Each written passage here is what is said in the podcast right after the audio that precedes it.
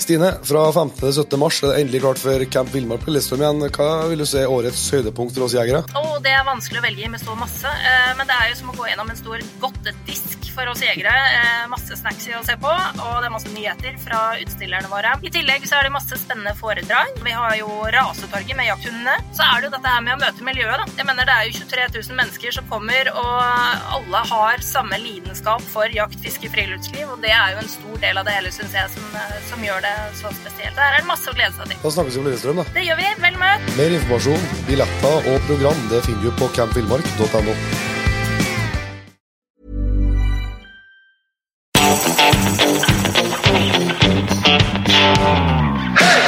Jegerpodden, en podkast av og for jegere.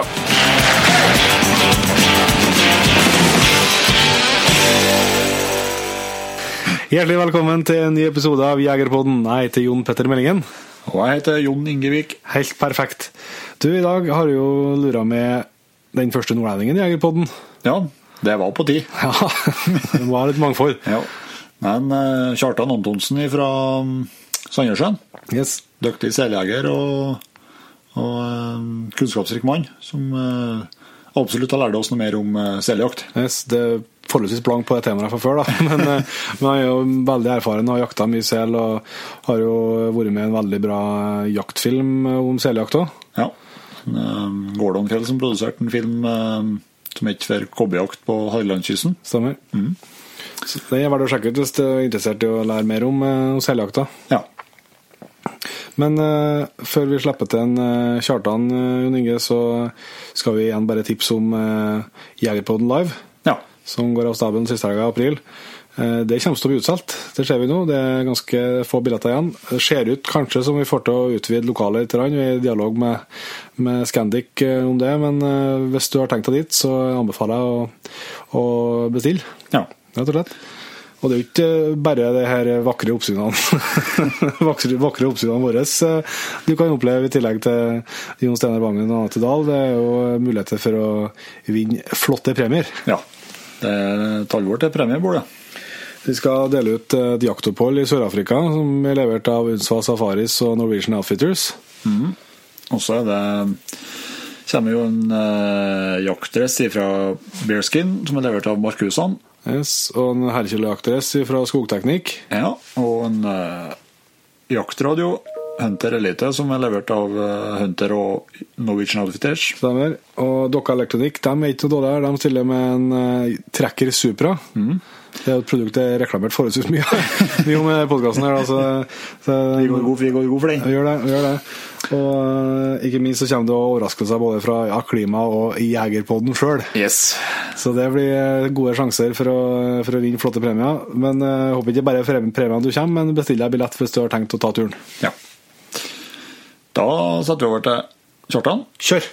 Kjør. Da har jeg gleden av å ønske Kjartan Antonsen hjertelig velkommen til Jegerpodden. Ja, takk, takk.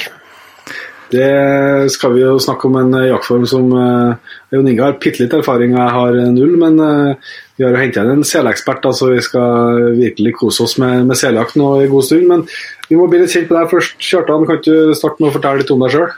Jo da, eh, som sagt, jeg heter Kjartan Antonsen. eh, 55 år, gift. Tre barn, eller hvis du kan kalle de barn. De er nå stort sett blitt voksne, da, men eh, eh, opprinnelig født opp i Vesterålen. Eh, Snorig. Farta litt rundt omkring. Bodde litt i Telemark, Hedmark, Trøndelag jeg bodde en par år. For jeg, jeg. ja, ja, jeg måtte innom, da. Ja, men det Men eh, før jeg endte her i Sandnessjøen, da, og har bodd her siden da i ca. i 2000, da. ja. Da, Og her, og, da må jeg gratulere deg med tittelen som første nordlending i Jegerpodden. ja, takk, takk. Det var på tide, da. Ja, det, det var virkelig på tide. Trønderne er jo kjent for å være litt trege, da. Så Ja da. ja det, det er godt, det er godt, det er godt du, du backer opp oss. men eh, hva, hva du jobber med til daglig? Jeg jobber i eh, skoleverket da, som eh, miljøterapeut, da, som, eh, til daglig drift, drift for å si det sånn. plager barn og prøver å gjøre de interessert i jakt og fiske og litt sånne ting. Ja. Og det funka Det faktisk viktig. veldig godt. Ja, så bra. Det er en viktig jobb, men det der ser du jo ikke Det er jo selak vi skal snakke mest om, men der ser jeg du er jo en, en veldig allsidig jeger. Jeg eh, skulle si, så, så mange i min aldersgruppe, vi starta jo kanskje vel tidlig, eh, før vi egentlig hadde lov til. Så 14-årsalderen så starta jo jeg å jakte. Mm. Vesterålen er jo kjent for å ha i hvert fall da en veldig god rypebestand, og det var nå liksom det som lokka meg mest. da. Så jeg var jo ikke noe opplæring, ikke noe og er ikke, overhodet ikke arvelig belasta i forhold til jakt. Jeg har ingen i familien som da jakta da. Nei. Så jeg putta 200 skudd i sekken og for til fjells og kom ned med ei rype og null skudd. Så, Fryktelig moro. Det er klart det, det, var, det var ikke helt bra, da, men eh, jakta En plass på noe start. ja da. Var stort sett småviltjeger i all den tida fram til 6-97, så var det stort sett bare småvilt jeg jakta rundt omkring i overalt i landet, skulle jeg si. Så, Før at jeg da etter hvert fikk litt interesse for storviltjakt og flytta til Helgeland her rundt 2000, ja. Og fikk mer Jeg hadde vært med og, og jakta sel oppe i Vesterålen òg da, eh, men det var litt annen type jakt. Vi jakta fra land og skjøt sel på isen da. Ja. Og litt sånn, Men utover det, det var kompiser som skjøt. Jeg kom aldri så langt at jeg gjorde det. Så, så endte jeg nå opp ute i havet her, da. Egentlig interessen på, på fiske som bar meg til havs. Og jeg da plutselig oppdaga at det var stort sett sel på hver en holme uti her. Ja. ja. Så jeg begynte å undersøke litt grann rundt det, da. Og gjorde det sånn. Utover det så jakta jeg det meste som er lov til å jakte, stort sett. Året rundt. Fra storvilt og alt, og litt i utlandet og litt sånn alt det, så, så det passer. ja. ja. Så Kan ikke, Hvordan, eh, kan, ja, bare kjør du. kan ikke kjøre oss litt kjapt gjennom jaktåret ditt? Det er litt interessant det, når det er så allsidig.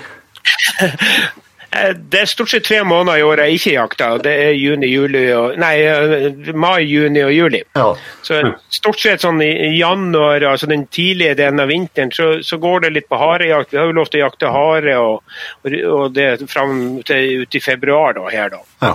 Mm. prøver å få være med noen kompiser på harejakt eller eh, revjakt med hund, eller sitte sette en god del på åtejakt på rev osv. fram gjennom våren. Til det blir så passe lyst og vær og sånt at det går an å fare på havet og begynne å jakte sel. da. Ja. Og Seljakta varer jo ut april da, på den første perioden. da. Ja. Så da er det jo rimelig greit. da. Når du kommer da til 1. mai, så er det litt sånn Da går jeg over på fiske. da. Mm, Så fisker jeg heller en god del. og For at du da kommer ut i august igjen og starter både gåsjakt, eh, rådyrjakt, eh, både bukkejakta og, og den delen der. og og videre ut i september eh, fortsetter på det ordinære rådyrjakta, elgjakt, fugljakt. Sånn går det og helt fram til jul. da. Ja. Ja. Så er det juleferie. da. Så. Ja, noen, noen, dager, noen dager der som man må ha fri. Ja. Men eh, har, du noe, har du noen hunder, eller er stort sett Nei, eh, jeg, jeg hadde hund tidligere. Da hadde stående fuglehund i Irskseter. Men eh, jeg kan dessverre ikke ha hund pga. allergi i familien. da. Riktig. Ja. Men så har jeg gode kompiser som har hunder. da. Så jeg bruker å få lov til å både låne og, og, og være med og jakte sammen med de. da. Ja. riktig. Jeg har også starta med litt sånn eh, ettersøksgåing og har gått opp da, til ettersøksprøven med, med en kompis sin hund. da. Ja. Riktig. og, og få den den også. Ja. Ja. Ja. Ja, da med ordets rette forstand allsidig. Det, det er veldig bra. Jaktidiot, alt etter hvordan du kan. Det er hvem som spør. Ja da. Det er, men det er Forsøk å ikke la det gå utover eh, det andre eh, sosiale livet. og sånt. Det, jeg bor jo sånn til at eh, jakt er veldig lett tilgjengelig, for å si det sånn. En liten halvtime med båt, så er jeg på seljakt. Jeg har fem minutter kjøre jakte gås, jeg har ti minutter kjøre for å jakte rådyr. Så, så det går Jeg kan fare, spesielt på høsten, så kan jeg bare fare etter jobb og så jakte tre-fire timer. Ja. Og så fare hjem igjen. Ja. Så det er en privilegert sånn sett. Helt klart. Um, Vi er stort sett det vi som, bo, som vi bosetter oss litt utom, litt utom sentrum. Ja, vi er, det er bare vet å benytte oss av det. da. Helt sant. du var litt, eh, Når du snakka om jakter, så var du litt inn på det du nevnte førsteperioden på sel. eh, Nå er jo vi veldig, veldig ferske her, vi er innenfor selfaget. Um, Jakttidene på skapningene? jakttida på, ja, altså jakttida på, på, på selen er delt opp i to perioder. Da. En på vinter, vår og en på, på høst. Og den, den første perioden da, den starter 2.1 og går faktisk til ut april. da. Ja. Mhm. Og så har du da en fredningsperiode fra 1. mai og fram til 1. august.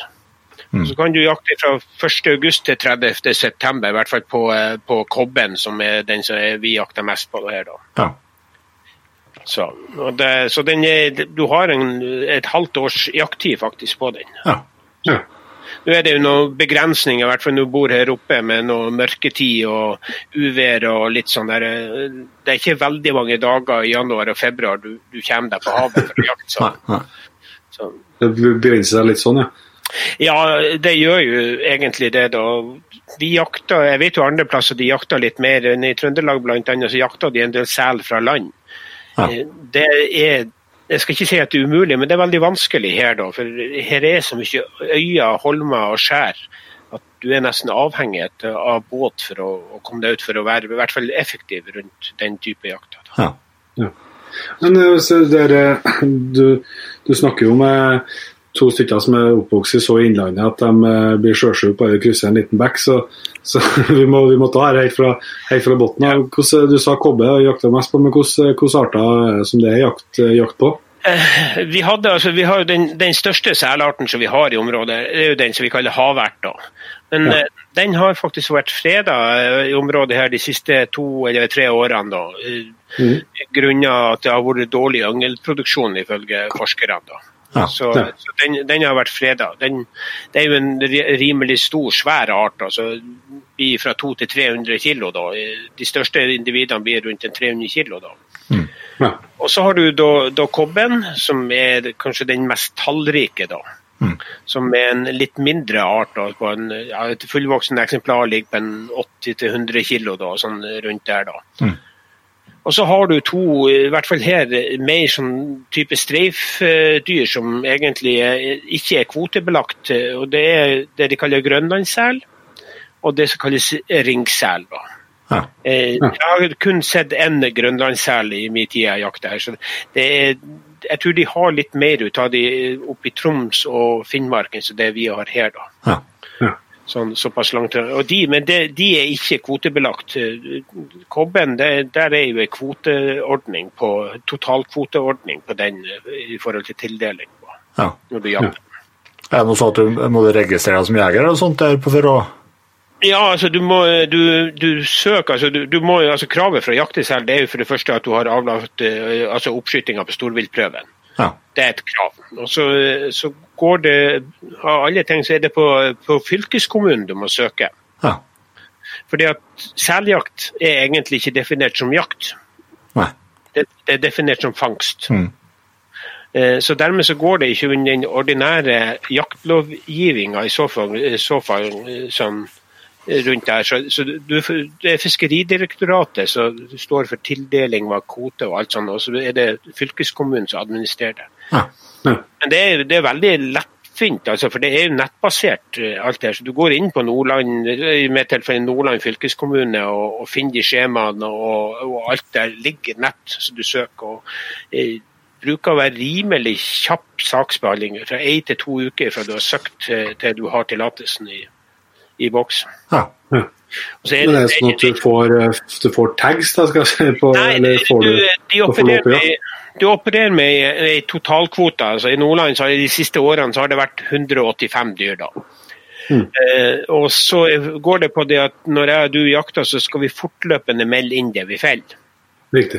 Så, så vi jakter så lenge det er kvoter eh, tilgjengelig. da. Mm, skjønner. sånn, skjønner. Det er din plikt å gå inn på deres side og hele tida se eh, hvor mye som måtte være igjen Ja. å felle. Så. Men du sier Nordland, altså, men jeg som bor i Trøndelag, det er ikke problem for meg å søke, søke meg kvote i, i, som ta del i kvotejakta i Nordland? Nei, det er faktisk sånn at uh, du kan søke i hvilken som helst fylke i hele landet. Uh, så uh, kan utlendinger òg komme og jakte sel her. Ja, eneste, eneste kravet da, i tillegg til den oppskytinga som de har gjort i sitt land, det er at de har med seg en nordmann. Så hvis jeg kan okay. ta gjester fra utlandet Ja. og få være med på seljakta. Ja.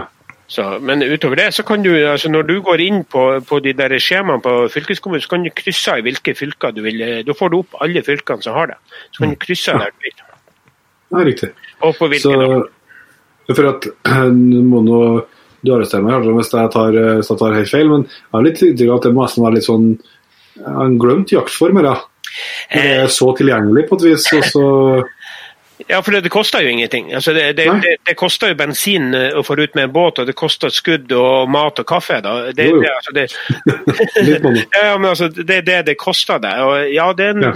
Men jeg tror seljakt altså, den, den har jo relativt lange tradisjoner langs kysten, som både matauk og, og skinnauk og sånne, Men det var jo en periode jeg kunne si at akkurat det der med seljakt og selfangst, det var jo ikke akkurat eh, midt i skuddet i den tida med Birgitte Bardot og han Lindberg og sånne som skapte et veldig sånn negativt bilde ut av det.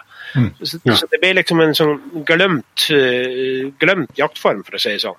Fortrengt. Ja, fortrengt og, og sånn, men eh, den har som sagt lange, lange tradisjoner da, eh, på, på det her. Og jeg så jo når jeg begynte å jakte her, eh, og begynte å ta med ungene mine for at de likte å være med på det, og de lurte på hvorfor vi aldri traff andre folk der ute.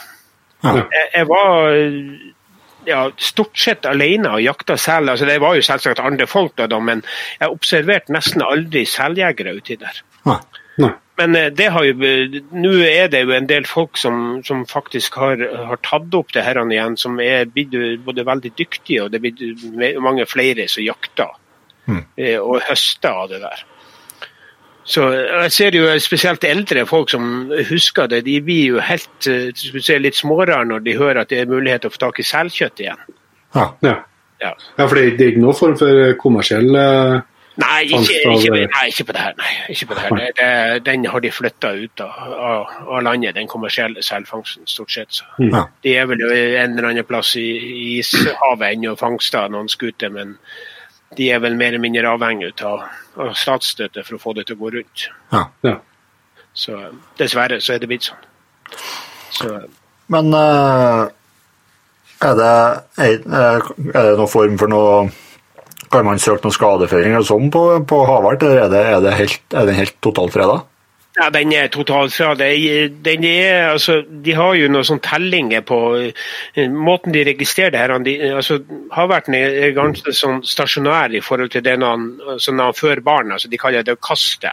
Han har noen fast, faste plasser eh, som han gjør det. Så Tellingen det gjør de på de skjærene ved hjelp av flytelling. da. Ok. Ok. Eh, av ungene. sant? Det er jo de der søte, små, hvite dottene som ligger der. Så det, det er rimelig lett å, å telle dem da. Ja. Og, og ut ifra de tellingene de har gjort, så, så har de sett at faktisk altså, tilveksten har halvert seg Ja. de siste årene. Uten at de har funnet noen sånn spesiell grunn til det. da. Ja. Så det det er vel litt sånn føre-var-prinsipp på det. Jeg opplever jo at vi har eh, en relativt stor eh, bestand av havert ute i, ute i havet. Den er jo en art som liker seg enda lenger ut i havet. da. Altså, Havert ligger jo litt i ordet, den som liker å erte havet. Sant? Så, Ja, ja. Og, og eneste gangen i året han er på land, det er når han fører barn. Ja. Ja. Ellers så levde de stort sett hele sitt liv i vann, så den er eh, mye mer krevende eh, å jakte på enn så kobben. Den er mye mer eh, altså skeptisk Ja. i forhold til det.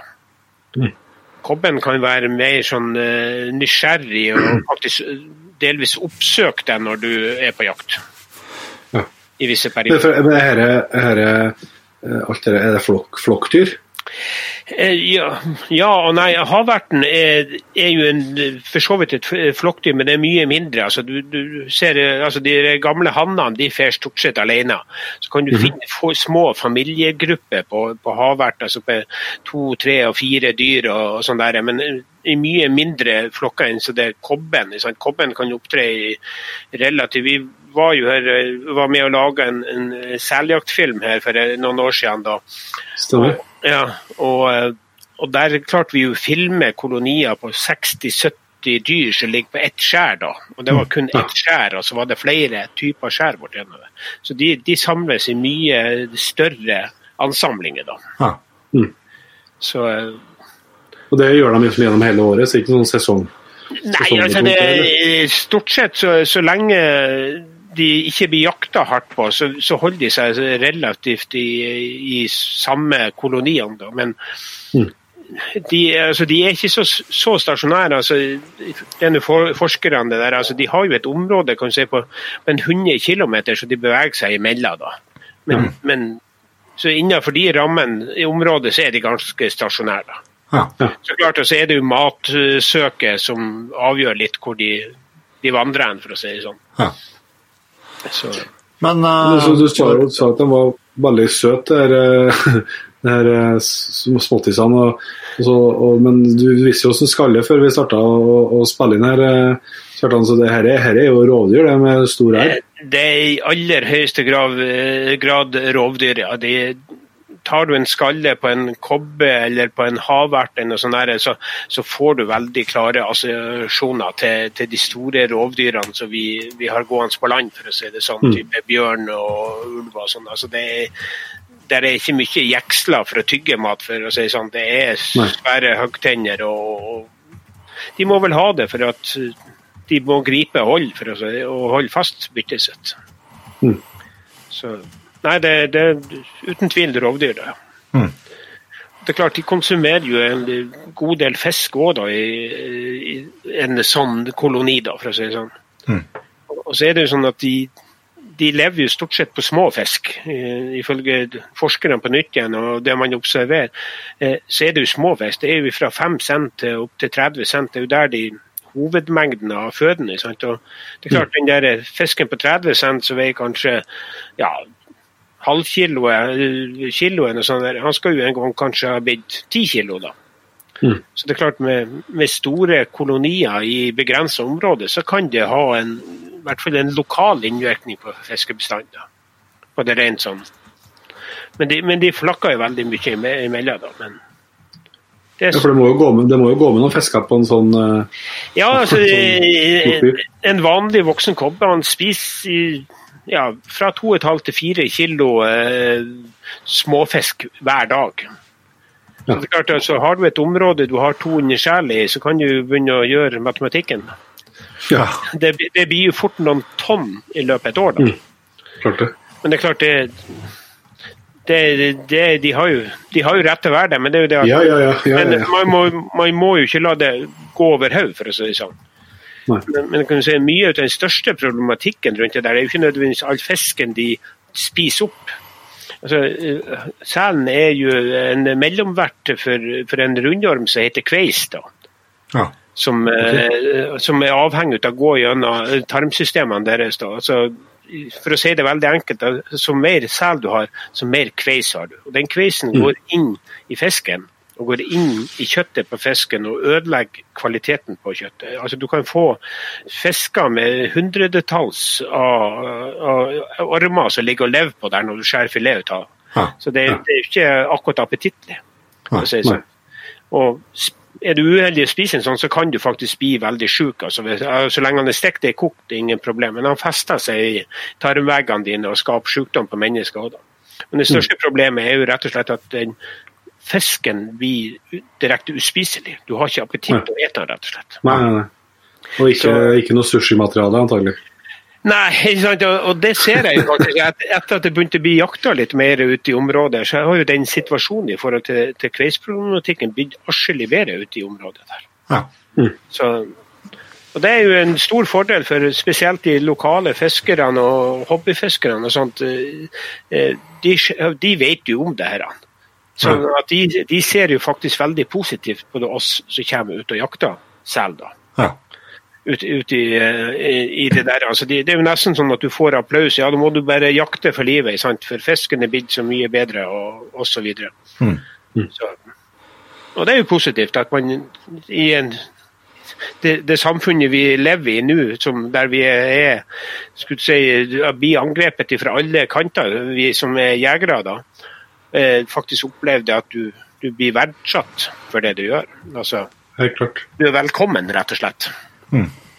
Så, Men eh, når, du, når dere er ute og jakter og, og, eh, og, og selen stikker opp hodet av vannet, hvordan eh, klarer du å se om det er kobbe eller havert eller eh, ja, altså, eh, for å si det sånn, Når du har sett dem, så ser du veldig stort forskjell, eh, stor forskjell på det. Altså, en, en havert han er for det første så han eh, tre-fire ganger større i Ja. selve hodet. da. Mm. Og så har han en veldig sånn langt, markant uh, nese. for Han ser nesten ut som en hest Ja. når han stikker opp av hodet. Sånn. Men, mens kobben er mer som en liten kule, for å si det sånn, som ligger der. da. Ja, mer av- avrunda. Ja, så det, men det er klart du må jo, det er jo en fordel at du, du tar deg noen runder og kikker på en del bilder før du drar ut på jakt, sånn at du klarer å skjelle artene ifra annen. Ja. Så, for det er klart En, en liten havert årsung og sånn, det, det er muligheter å forveksle det, i hvert fall hvis holdene blir, blir lang. Mm. Og, det, og det vet du aldri på havet. for Det er nesten ikke, jeg skal ikke si umulig, men er du på åpent hav, så er den største utfordringa du har, det faktisk avstandsbedømmes. Ja. Du klarer Ja, det er ikke så, det er ikke så enkelt å dra opp en lasermåler det er kanskje på, på det målet der.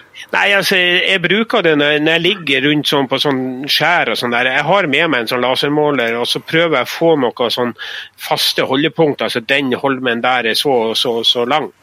Mm. Så, eh, men det er klart, eh, det er en utfordring på det. Du, du har ikke noen referansepunkter, rett og slett. Det er det sånn, Går du i skogen, så vet du at det er tre eh, 17-20 meter høyt, og da er det lettere å bestand, bestemme avstand. Ja. Så, eh, Ja, det er jo litt sånn der hvis du tar fugl som eh, henger i lufta over deg. ja, ja. Så kan det være vanskelig å vite om det er 20 40 eller meter 30 om eller det- 40 eller ja. Ja. Ja, det er akkurat samme problemet. Det. Så det er kanskje noe av den største utfordringa når, du- når du jakter der ute. Det er avstand. Ja. Men bare før vi går litt mer over på, på utstyr og jakt og sånt. eh, For vi snakket om at eh, du søkte fylkeskommunen, men hvordan er det med, med grunneiers tillatelse og sånt? ja, altså I utgangspunktet så skal du ha grunneiers tillatelse på, eh, på all jakt, uansett. Mm. Så, men vi jakter jo mye ute i- på si, i, i, i storhavet, for å si det sånn. På Ja. Holma skjær og mye på Fløskjær som ligger under vann og, og sånn der. og i praksis så, eh, så jeg har, har jo, I områdene jeg jakter, så har jeg prata med den grunneiere og, og fått aksept for det. Men i praksis er det et veldig lite problem, da. Men det er klart, eh, Kommer du i nærheten av hytte eller hus eller eh, sågar oppdrettsanlegg, som vi også har, spesielt oppdrettsanlegg, så bruker jeg faktisk å gå bort og så gir jeg beskjed om det at jeg er på seljakt og det er mulig at det smeller. Ja. Rett og slett for å være litt sånn føre var. Og Ser jeg folk på ei brygge og det ligger særlig område, så går jeg inn til brygga så, så sjekker jeg ut med folkene, rett og slett. Og, og hører For man må være litt eh, grann, eh, varsom rundt det. for altså, Den grunneierretten han er jo der uansett. Så, men men i, i ren praksis så er det så lenge du oppfører deg ordentlig på jakt, så er det et ikke-eksisterende problem i forhold til akkurat det der i området her, da. Så. Men eh, hvis, du, hvis du går litt mer mot nærmest oss litt mer jakta på Hva hva sier du kanskje først om, eh, om utstyr? så Hvis vi holder litt jaktutstyret utom enda eh, det, det, det er båten som er Ja, det, et viktig, verktøy. du bør jo ha en båt. og eh, det er klart, jeg, altså, Du trenger ikke all verden båt, altså, men som sagt, jeg bruker, har brukt stort sett en liten 16-fots eh, skjærgårdsjeep. da. Ja. Som er utstyret har med meg en vannkikkert i tilfelle at du er uheldig at eh, du dyret søkk, for det kan jo skje eh, innimellom at det søkker ned. da. Så er det veldig greit. Men eh, jeg bruker å ha med meg havfiskestang eller et snøre med en svenspeltdregg i, for å klare å fiske opp dyr som, som søkker. I tillegg til jeg har diverse sånn kroker. Jeg har en sånn, så Fiskerne bruker en sånn langkrok da, så er en vel fire-fem meter lang. Ja. Så jeg kan gå ned og så dra opp med det. og Sånn, utover det så, så, er det vanlig utstyr du trenger for å være på havet med redningsutstyr. og sånn. Det er ikke noe mm. fancy greier. Jeg, bruker, jeg har et sånn jeg jakter ganske mye alene. Da. Så det er jo klart det er noen utfordringer å gå på land på en del holmer og skjær. Der er ikke noe tre å bitt fast i, der er ikke noe steiner å bitt fast i. Og sånn. Så jeg har ordna meg med to dregger. Så når jeg nærmer meg land, så hiver jeg ut en dregg bak da, båten. da. Og Så bare stopper jeg motoren og går inn, og så tar jeg en dregg med meg når jeg hopper på land. For det er, Ofte er det sånn sprekker og sånn, så du kan sette inn dreggen i, på land. Eh, I enkelte tilfeller så bitter jeg fast dreggen i meg sjøl, sånn at jeg, foten holder båten. da. Så, det, jeg hører jo at Hvis jeg skal på med min innlandsbakgrunn, innholdsbakgrunn, så hører jeg at hvis jeg skal på noe sånt, så skal jeg ha med meg en som Jeg hakket mer båtkyndig enn uh, altså, Du trenger ikke det, men altså, jeg, for meg sant, i områdene der jeg jakter, så er det altså, der er veldig mye tungsjø. altså Det er mye drag i havet. Så, så hvis jeg mm. bare hopper rett på land, tar en dregg og biter fast på land, så vil båten ligge og slå i steinene hele tida. Ja. Så det, det, er derfor jeg har en dregg bakfra, for den holder båten ut fra land. Sånn at jeg berger båten og har noe å seile hjem på også. Ja. det kan være kurant, ja. ja da, det, men det er sånn triks, og det, det gikk en stund før jeg fant ut av det òg. Så, så det er jo sånn som du lærer deg etter hvert. Ja. Men utover det så trenger du ikke noe fancy eh, utstyr. Jeg, sånn Redningsmessig så jeg liker å bruke en, en eh, flyte kjeledress, fordi at han er både varm og, og behagelig og polstrende. det er jo ikke akkurat behagelig, mange av de skjærene han ligger på. Det er mye skjell og rur og, og sånne ting. Skarpe steiner. Så det er greit å ha noe som polstrer. Eventuelt å ha med deg et liggeunderlag. Mm. Så, og du kan jo selvsagt, eh, I og med at det er definert som fangst, det her, en seljakta, så har du faktisk lov til å skyte ifra båt med motor. Mm. Eh, I motsetning til ordinær eh, jakt, så har du ikke lov til det. Eh, Nei, men jeg har jo funnet i, i praksis altså, Selv det at jeg puster bare jeg ligger og sikter på den, gjør at jeg får et for dårlig skuddbilde. At jeg syns det er praktisk mulig. Jeg har prøvd, men jeg får det ikke til. Så jeg velger 100% å gå på land på Holmar skjær. og, og bruker tofot på våpen eller underlag av noe slag, sånn at jeg får mer kontrollert. Mm. Ja. Så ja, for du, så selv om du, det er storviltprøven som er kravet, så, så er ikke, ikke ringen på, ringen på rein eh, Nei, altså, mot, uh... hvis, hvis målet er å skyte opp med ringen på rein, eh, for å si det sånn, så vil jeg tro at du får en del bomskudd. Ja. Altså, mm du bør eh, Selvsagt kan du skyte bom, det kan alle på et sånt mål som ligger og dupper opp og ned i havet, og bølgen beveger seg, og det beveger seg sideveis og alt mulig sånn. Men du, du bør kan ligge og skyte jevnt fra nier og inn for å, å, ha en grei suksess på det, på en bane. Mm. mm.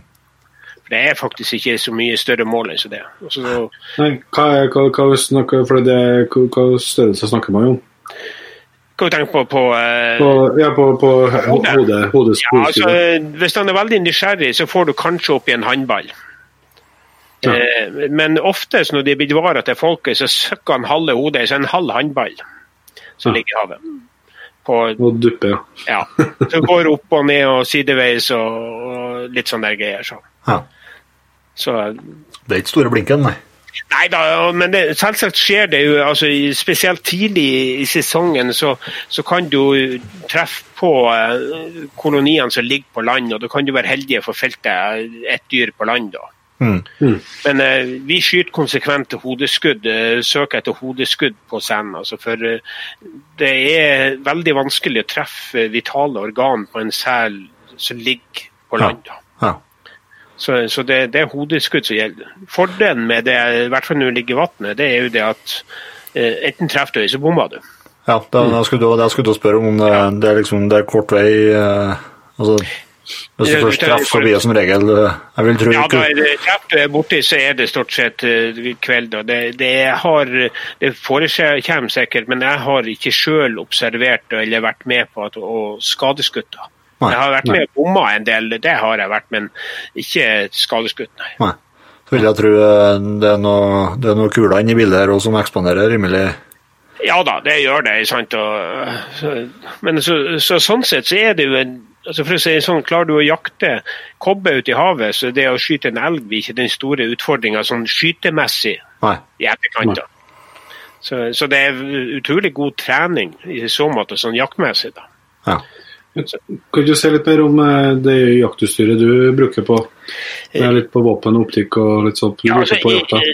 I utgangspunktet, altså, er, men sant, er jo, vi velger å spesialisere oss alle, da, for å si det sånn. da. Eh, Det første du bør jo ha, det er jo en skikkelig god eh, håndkikker. da. Ja. For det, Mye av tida går jo på at du går eh, stilt rolig. altså Selen kan jo dykke og være under i 7-8 minutter.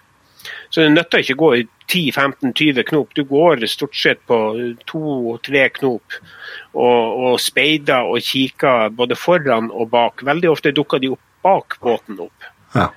Eh, Så, så det så har en, I tillegg har en avstandsmåler i de plassene det du er mulig å få en referanse på det. Jeg har aldri klart å truffe på en sel og få det eksakt. sånn.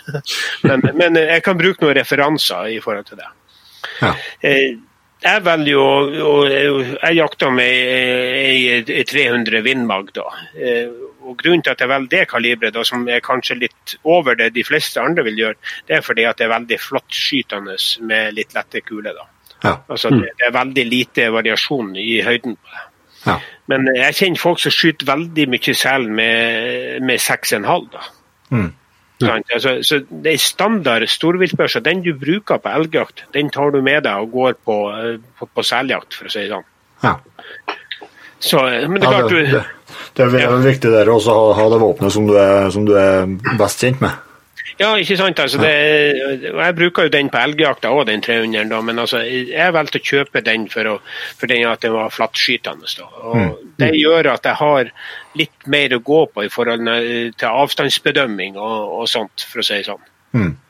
Men det er klart, du begynner jo ikke å skyte på 300-400 meter for det, selv om rifla er kapabel til det. Så, så det blir vel lite og useriøst å begynne å skyte på det holdet der, da. Syns Ja. jeg, da. Ja. Andre kanskje er kapable til å gjøre det, men jeg syns ikke det er greit. Nei. Hvordan hvordan hold snakker man stort sett om? da? Er det sånn mellom 100, 100 og 200, eller? Eh, Fra 10 til 200. Ja, nettopp, ja. Ja. Eh, Nei, men altså, Du kan veldig ofte oppleve det, som jeg har sagt, i hvert fall når det ikke har vært jakta mye på. eh, Hvis du camper en selkoloni, så ser jeg at du får felt deg et dyr på 60-70 meters hold. ja. Eh, Hvis du bare har is i magen og ligger i ro, så kan du plutselig ha en hel koloni som er kommet helt fram til deg for å sjekke ut hva de holder på. De er veldig, tilsynelatende veldig nysgjerrig. ja. Mm. De kom, kom, helt inn på en 10-20 meter, og er du i båt, så kan de svømme rundt båten din bare for å sjekke. ja. Eh, Vært med og felt to-tre sel, og vi står og flår og eh, dyret uti der, og de, nesten sånn at de kommer på land for å se hva du holder på med. ja. Så, eh, men det er klart, når du har jakta eh, noen ganger på de, så blir de litt mer skjær, og, eh, og kanskje da får litt eh, lengre hold, da, for å si det Ja. sånn. Nei, opp- Det var litt pussig når den, den ene helga, helga jeg har jakta sel, og så var liksom vi fant, vi fant eh, sel, og så klatra nå to, to stykker på, på land, da, på, på en holme der, da, for å, for å ligge og skjøte. Og så eh, viste seg at de var så nysgjerrige på båten at de, eh, de bare trakk liksom etter båten og, og dukka opp i sånn, ja, på nærma seg sånn 50 meter fra båten opp og kikka. og Ja, ja, ja. Det er, det er helt, helt vanlig når du holder på det. Det er ganske fascinerende å se på det. Men eh, jeg har jo hørt historier om folk som, som utnytter akkurat den delen der, og så kanskje kanskje skyter mer enn det de har lyst til. Altså, rett og slett fordi at de, de bare skyter for å skyte. Ja, ja, Ikke nødvendigvis bare for å ta vare, bare rett og slett for å få ned bestanden. ja. Så eh, skal jo ikke jeg verifisere alle historier, men jeg har hørt om folk som har klart å skutte titalls dyr ja, under en sånn ja. del. Og jeg syns jeg personlig er jo ja, Du kan jo sette en del spørsmålstegn rundt eh, etikk og moral rundt det, da, så det, men det får noe andre stå for, for den delen. da. Mm, mm. Så eh, Jeg jakter ikke nødvendigvis for å få ned bestanden, jeg jakter for at jakta er utfordrende. så Det er ressurs, og det er mat, og det er skinn, og det er full pakke. Ja, ta, eh, Du blir litt fram og tilbake, her, men er det, er det flår dere alle steder som dere skjøter og, og tar vare på kjøtt og alt i hop, eller? Ja, altså, I all, i all hovedsak så, så skjærer vi ut ryggfiletene da, på det. Altså det vi kaller på et annet dyr, ytrefileten. da. Ja, ja. Det, det er liksom der eh, av, av, av kjøttfylde er. da. Ja.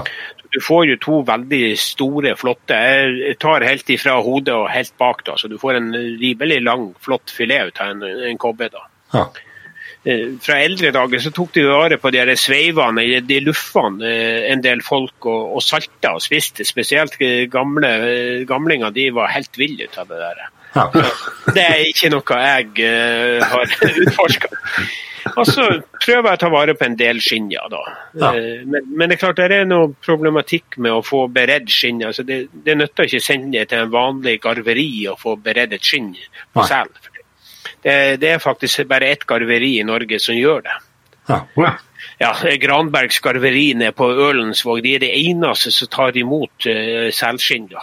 Og Sender du det inn, så er de avhengig av å få inn mange nok til å starte den prosessen. For det er visst en egen prosess på det. Ja, det kan godt gå et år, halvannet, før du får det tilbake. Ja. Ja. For, for en del år siden så hadde vi, det var jo de som var store innenfor selgreiene, det var jo Riber da. Men de flagga ut hele sin skinnproduksjon til Newfoundland pga. at det er der de jakta sel. Så tilgangen til ressursene var der. Så. Det er riktig. Så, men eh, veldig flott eh, sånn type pynteskinn du, du får tilbake. De lager, altså sånn, Du kan lage som ei matte eller sånn. Skal du bruke det til bekledning, så må, må du sende de videre til en buntmaker som kan bearbeide de og få litt tynnere og mjukere og så videre. Ja. Så, men veldig flotte skinn. Så jeg, jeg prøver å ta vare på så mye som det er mulig, ja. Det gjør jeg. Og et utrolig godt, velsmakende eh, kjøtt. Ja. Så, Ja. eh, så lenge du prøver å være litt forsiktig. altså det Spekklaget deres det smaker ikke spesielt godt, syns jeg. da. Nei. Det er mye fisk og transmak, for å si det sånn, så jeg er veldig nøye med å prøve å få vekk eh, stort sett alt ut av det. da. ja, så det, det, det er rent kjøtt.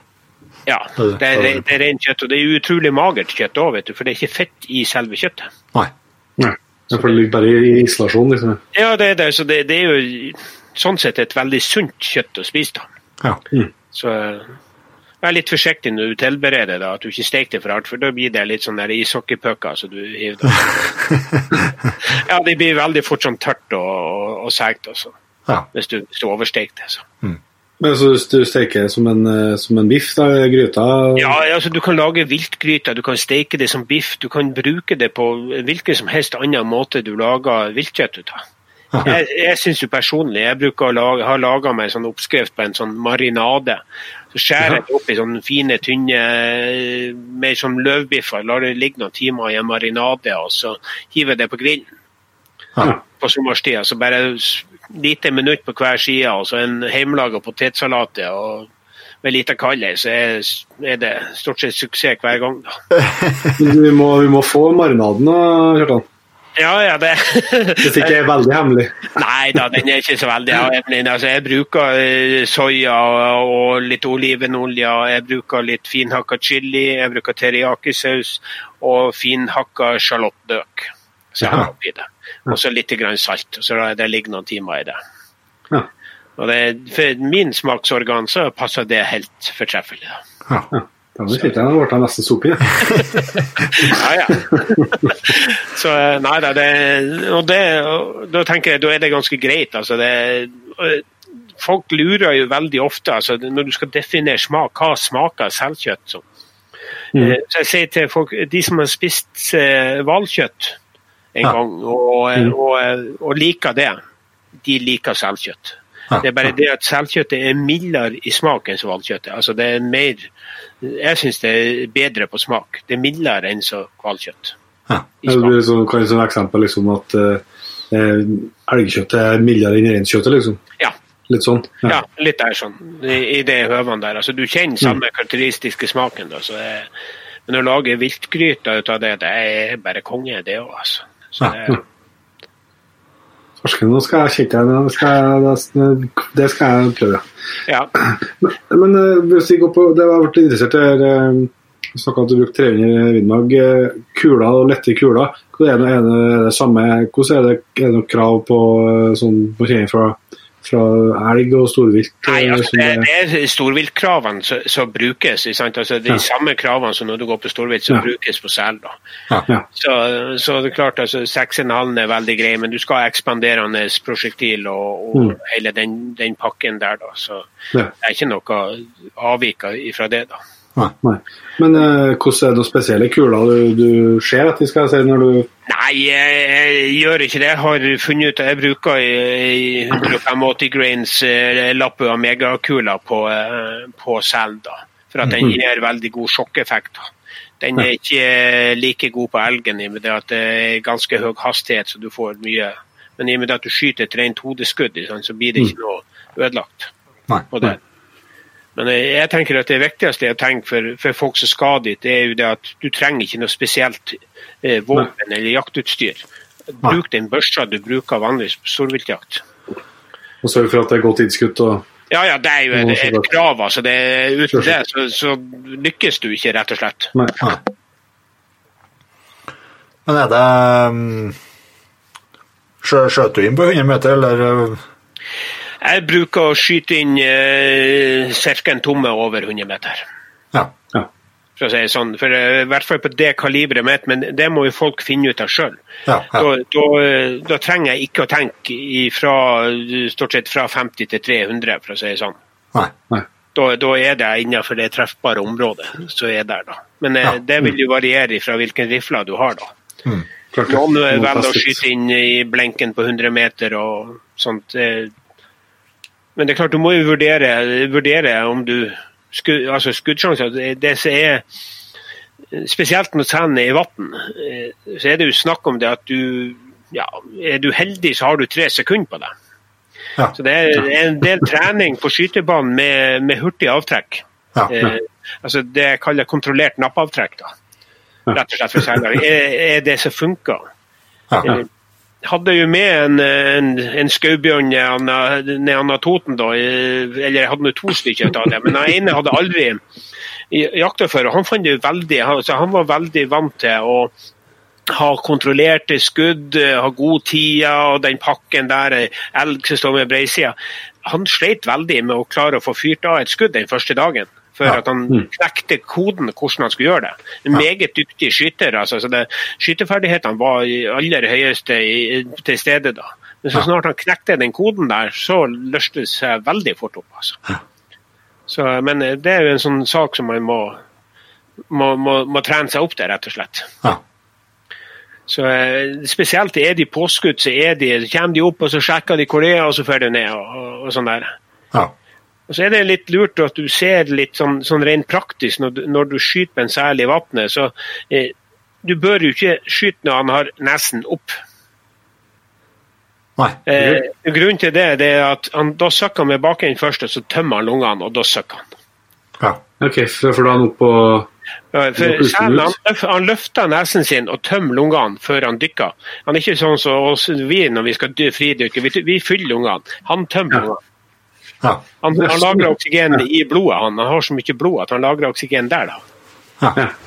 Så, eh, og så er det jo, er vi litt kjent, så er det kanskje greit å ikke skyte der det er 50 meter dypt, for å si det sånn.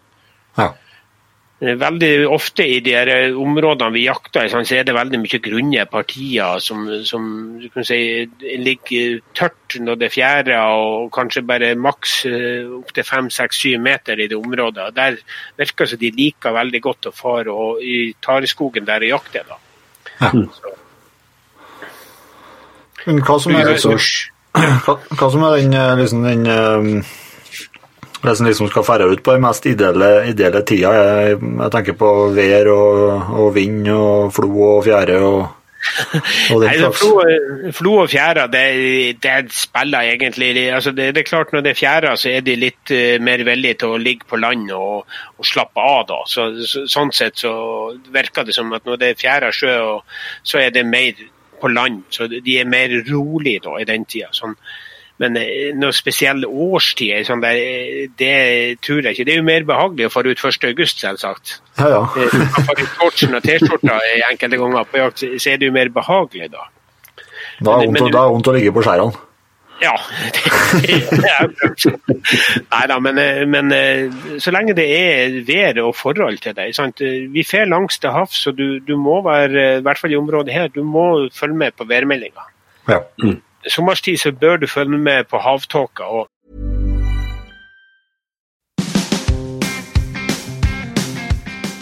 Stine, fra 15. til 17. mars er det endelig klart for Camp Villmark på Lillestrøm igjen. Hva vil du si er årets høydepunkt for oss jegere? Oh, det er vanskelig å velge med så masse, eh, men det er jo som å gå gjennom en stor godtedisk for oss jegere. Eh, Masse snacks å se på, og det er masse nyheter fra utstillerne våre. I tillegg så er det masse spennende foredrag. Vi har jo rasetorget med jakthundene. Så er det jo dette her med å møte miljøet, da. Jeg mener det er jo 23 000 mennesker som kommer, og alle har samme lidenskap for jakt, fiske, friluftsliv, og det er jo en stor del av det hele, syns jeg, som, eh, som gjør det så spesielt. Her er det masse å glede seg til. Da snakkes vi om Lillestrøm, da. Det gjør vi. Vel møtt! Mer informasjon, billetter og program det finner du på campvillmark.no.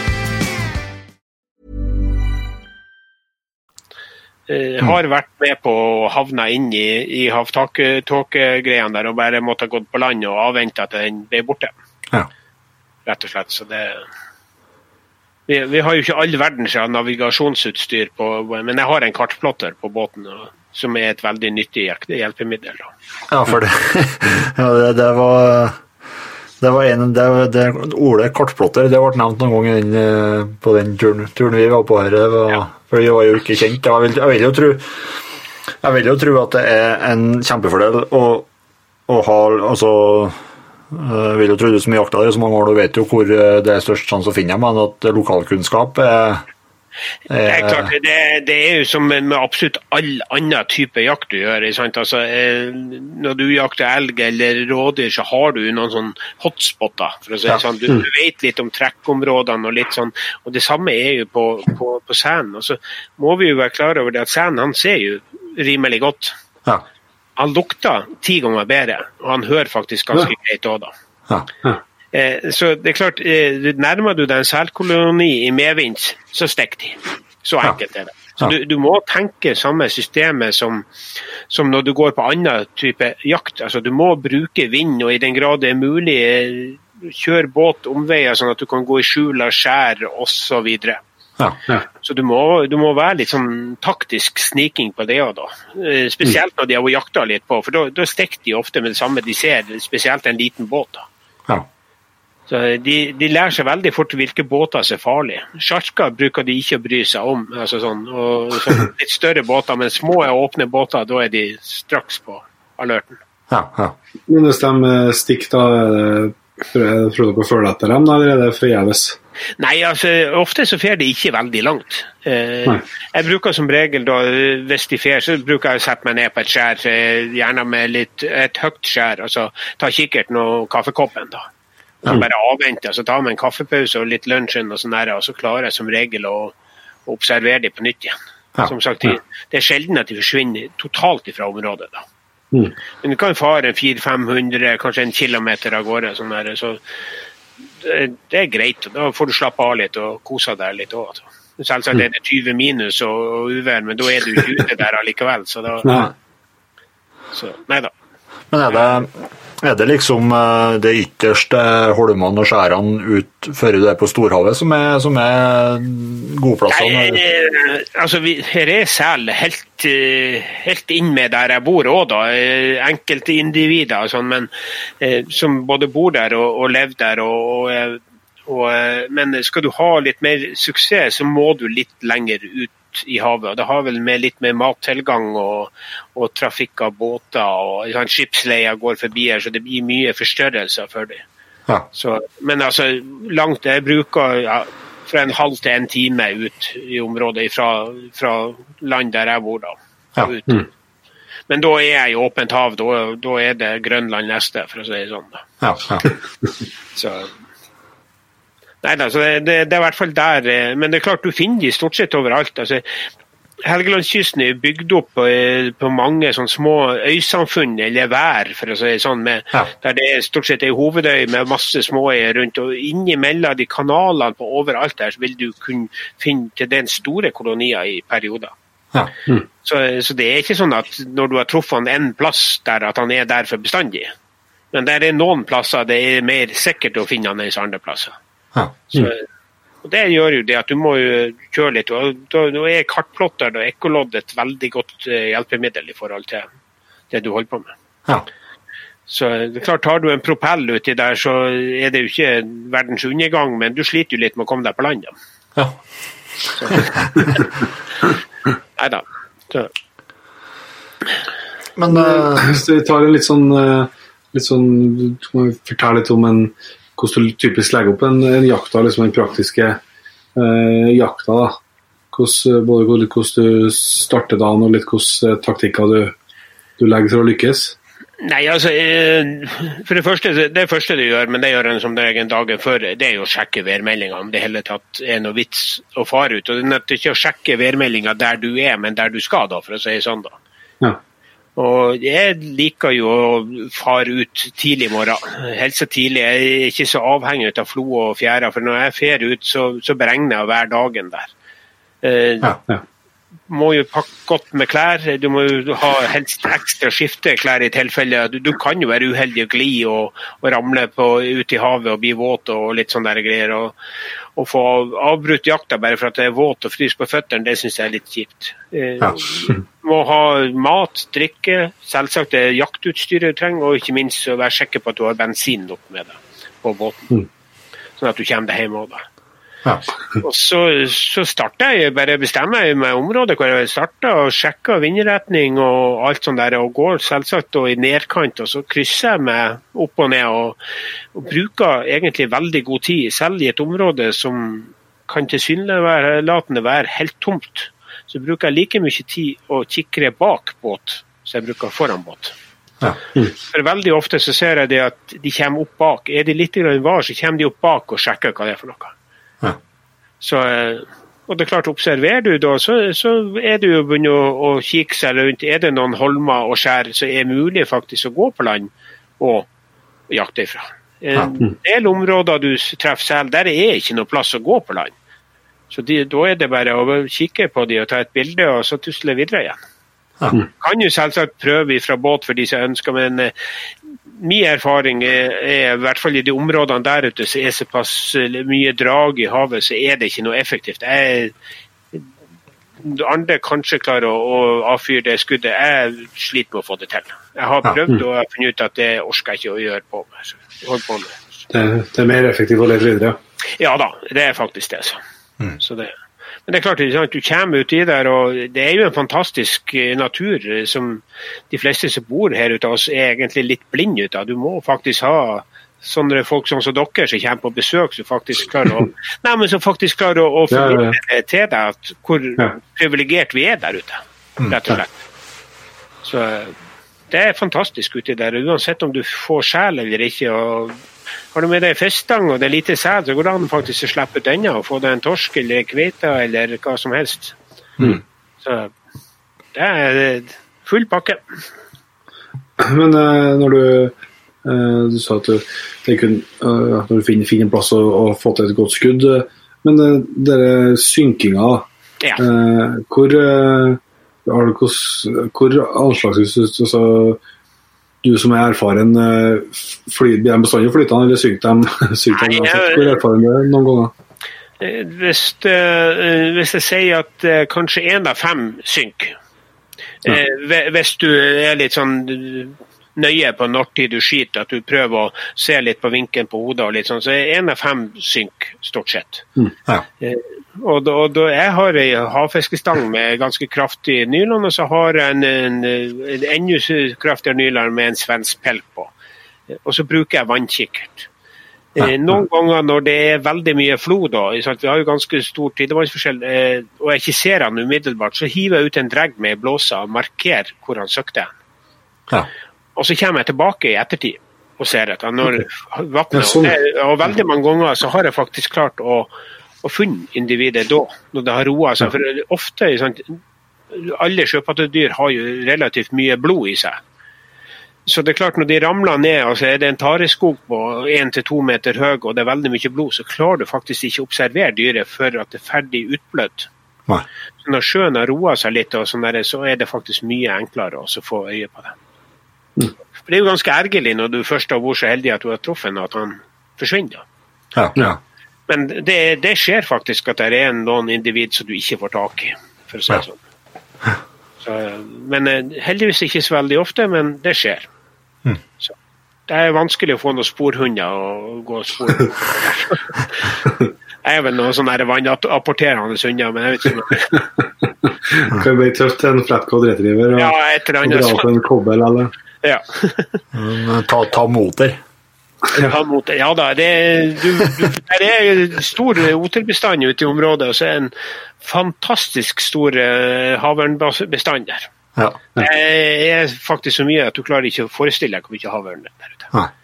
Altså 15-20 stykker i, i lufta samtidig over båten din kan du fort observere. Ja.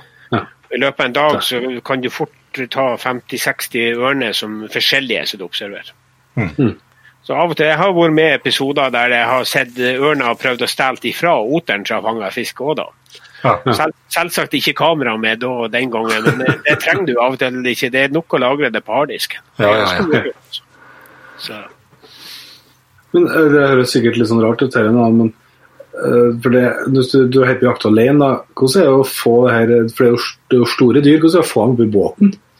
Er, hva, hva er det du klipper til? Er det luffene du klarer å få til, så du kan dra den Ja, eller må stort, ha en stort, sett. Altså, som regel altså, når de flyter Jeg har en, eh, en, en sånn meter, halvannen lang sånn kveitkrok. Da, så jeg, jeg bruker jo å sette den som regel eh, fast i, i underkjeven på de da. Så jeg tar den første den, og så, og så Det er klart, de største individene det, Av og til så er det faktisk sånn at jeg bare setter eh, tau i de, og så drar de på et skjær og drar de på land. For det er ikke bestandig altså, 100 kilos eh, død klump er ikke nødvendigvis så enkelt å få om bord bestandig. Det er levende forestillende. Ja, nei, men da er det lettere. Og, og, og det er klart I den tida vi fikk lov å jakte havert, så var det jo tilnærmet umulig. altså 200-300 kilos eh, dyr om bord, det får du bare ikke om bord, for å si det sånn. Nei, nei, nei. Så, eh, I hvert fall gjør det ikke jeg det. Det er jo sikkert noen som sier kanskje med det. Det tviler jeg ikke. Jeg ser for meg de er ganske sleip òg. Nei, de er ikke det. De er ikke så veldig sleipe. Nei, nei, nei. Eh, og spesielt ikke når du drar mot hårene, så er det veldig mye motstand. Så. Ja, ja. Så, men eh, som regel så er det skyt voksne dyr, så er det som regel eh, skyte ungdyr og sånn, så er det rimelig greit å få de om bord. Altså. Ja. Men med voksne dyr, eh, for jeg tar de jo på land på skjærene uansett, og, og flår og, og skjærer ut kjøtt og skinn og sånt. Gjør, gjør du det med en gang, eller? Ja, stort sett. Ja. Det er noe som alt annet. Det er begrensa hvor lenge Hvis du skal bevare kvalitet, så må du tenke kvalitet. Ja. Så, eh, men altså, det går greit at de ligger en stund. Altså, de kan ligge en time eller to, eh, sånn der, men går jeg på land på et skjær, så er det fort gjort å, å kle av skinnet på en sånn Ja. sel og ta ut det der. Det bruker kan, ikke, kan ikke du prøve å forklare litt uh, hvordan den uh, flåinga du- hvordan du gjør det?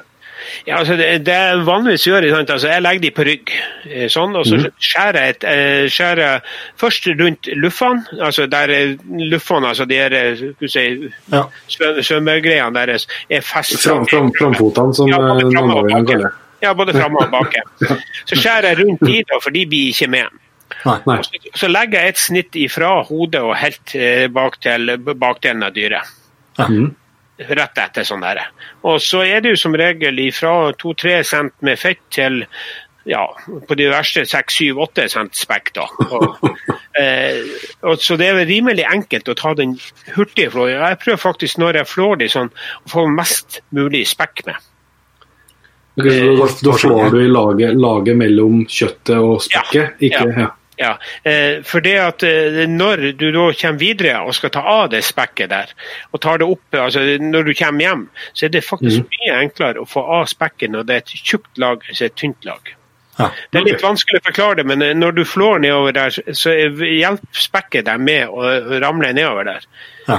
Du får mer tøgn på skinnet? Ja, da, så På den der filmen den Kobberjakt på Helgelandskysten så ble det veldig illustrert akkurat det jeg sier da, veldig godt hvordan det der fungerte. For Vanligvis vil man jo fjerne min, altså mest mulig spekket, men vi tar egentlig veldig mye spekk med, for da er det mye enklere når du skal ta uh, neste steg og ta vare på skinnet og få tatt av spekket og vaska det og salta det og det som du må gjøre for å, å behandle det videre. da. Mm. Så, så, så, det, så det en, med noe god kniv så går det rimelig kjapt. altså Du, du, du flår av en sånn uh, sel på fem minutter og skjærer ut filetene på to minutter. Sant? Når du er veldig trening, så, så det, det er ikke noe tidheft. Nei. nei. Det, er sånn. Det er noen kjappe, kjappe snitt, og, og, og så bare vrenger han ut. Men da når du har, når du har flådd av skinnet og tatt ut filetene, eh, overlater du resten til naturen, eller? Ja, da, da søkker det ned. altså Da lar jeg krabbe og fisk og sånt få overta Ja. det. da. Ja. Jeg prøver, jeg prøver å søke de, og det, det handler eh, egentlig altså Fuglen kunne sikkert like godt ha gjort det, men det er det med det, det visuelle vi må tenke på. I, Ja, ja. Det, det kommer turister, det kommer andre. Det ser jo ikke noe pent ut. altså. Der er mye blod, og der er mye sånne ting. og Da er det greit altså bare Det forsvinner uansett. da. Ja, ja. Mm. Så, Men eh, det er filetene, da, når du Hva skal jeg spørre om? Skinn og kjenner her, men, men filetene, er det noe, modning og sånn på dem som, som kjenner fra annet viltkjøtt, eller hvordan det? Nei, nei jeg, jeg, som prøver, jeg prøver som, som sagt å ha best mulig hygiene. Jeg eh, liker ikke noe spesielt den spekksmaken, så jeg prøver å få vekk det. og Der er jo noen sånne gamle triks, for det setter jo litt smak, så folk er veldig var i forhold til det. Du kan jo legge det kjøtt, altså filetene i en sånn veldig lett eh, eddikløsning i noen timer for å trekke ut den, eh, eller sågar så er det noen som legger det i noen timer, og det har jeg prøvd med suksess òg, i skummamelk noen timer. Ja, det vet jeg, det vet jeg vi gjorde på noe beverkjøtt. da. Ja, det blir vel kanskje litt det samme som beverkjøtt, at en prøver, å- prøver Ja, å få altså, vekk den verste smaken. Har det verste, så er det jo sånn, altså, Melkesyrebakteriene er jo også med i en modningsprosess. altså Syrninga på det der eh, gjør jo at det, det faktisk modnes kjøttet. Ja. Men eh, det er veldig mørt eh, kjøtt som ikke har behov for modning. Ja.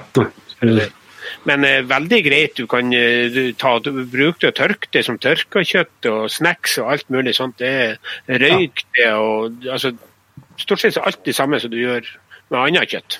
ja.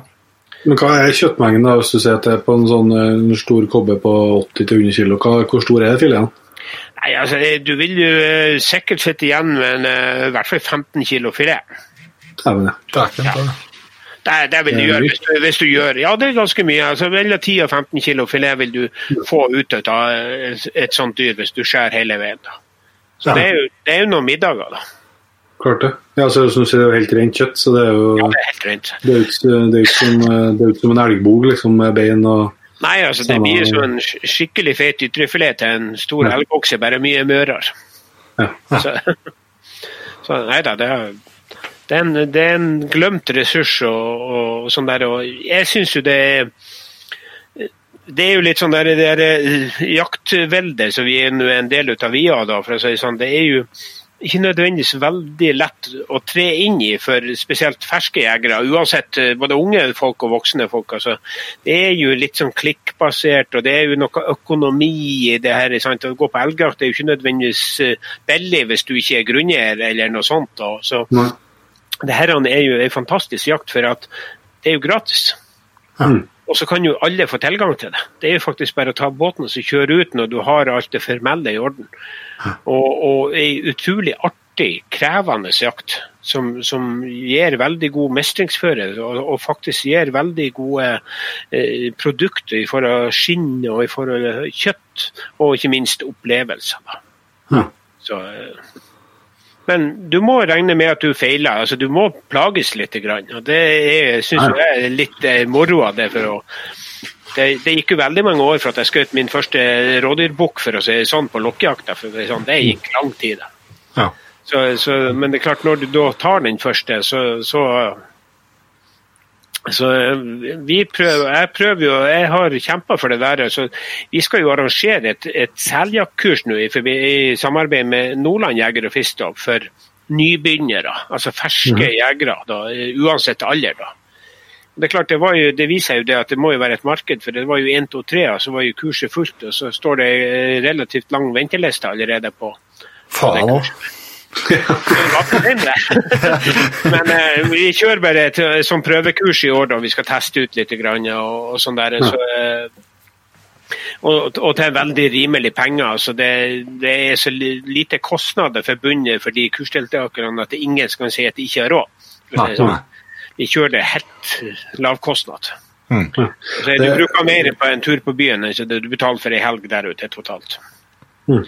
Og det, og det, er litt der for å få opp den interessen for den ressursen vi faktisk har. Og for det at folk skal få komme seg ut på jakt, rett og slett. Mm. Ja, jeg må si at du sa det innledningsvis, Kjartan, om, om, at det var altså, eh, du kunne til og med ta med utenlandske jegere. Ja. Uh, skulle jo tro altså, at det var et, et, et forretnings, en forretningsmulighet òg.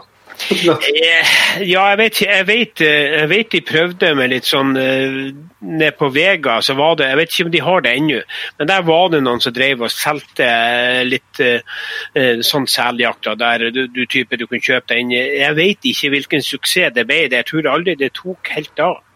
Det, det, er Spesielt gjennom kontinenter der, så henger det veldig mye igjen med den negative omtalen rundt det der seljakta. Så en del uheldige episoder selvsagt det var, og det at det ble kjørt fram en sånn antikampanje mot det der. Ja. Mm. Så, så, det er ikke stuereint. Eh, jeg treffer jo på eh, altså Den nye næringa i Nord-Norge det er jo turistfiske. da. Mm. Eh, I området jeg opererer, så er det jo en del sånn turistcamper med en god del tyskere og polakker sånn der, som, som jeg treffer på og prater med, altså, i utgangspunktet er jeg veldig skeptisk til det jeg holder på med. Helt til jeg begynner å forklare det litt der at hvis ikke vi driver på det her, så har faktisk ikke dere noe her å gjøre. Rett og slett fordi Sen beskatter store deler av bestanden deres. De, de lager kveisen som dere ikke vil ha osv. Så, videre. så Så det er klart med litt informativt arbeid, så ja, det kunne ha vært det. Mm. Om det er den, den store forretningsdelen, det vet jeg ikke. Det tror jeg været er for ustabilt. Ja, ja. Eh, ja, men du tar deg inn ei reise, betaler 20 30 000 for, og så kommer du opp i en kuling, og så sitter du i en stol og drikker øl. Det er ikke mye artig, det. Så, det må godt øl. Så, eh, men det er klart, du har jo de her to månedene på høsten, da. Ja. ja. Men, men det er klart vi har jo... for at det er jo i hvert fall også Vanligvis hvis du skal, skal, skal til, tilby jakt skal jeg si, og ha et opplegg rundt det, så må du jo regne med ganske store utgifter på, på jaktsida. Som sagt, hvis du ikke grunneier eller ja, ja. Så, sånn tenkt. Ja da, det, det, er klart det er et marked for det. Det, det er utvilsomt det for de som ønsker å, å satse på det. Men det er klart, altså, Helgeland er jo blitt et turistmekka på mange måter, ikke minst innenfor kajakkpadling og sånn. Så, mm. eh, og de er jo mest ute sommerstid. Så jeg har jo opplevd at det er faktisk en del nye ting du må begynne å ta hensyn til når du ligger på jakt. Kommer en kajakk i Ja, jeg har faktisk, jeg har faktisk lo og sikta på sel, og så løfta blikket mitt, og så sett syv kajapadlere 400-500 meter unna. da.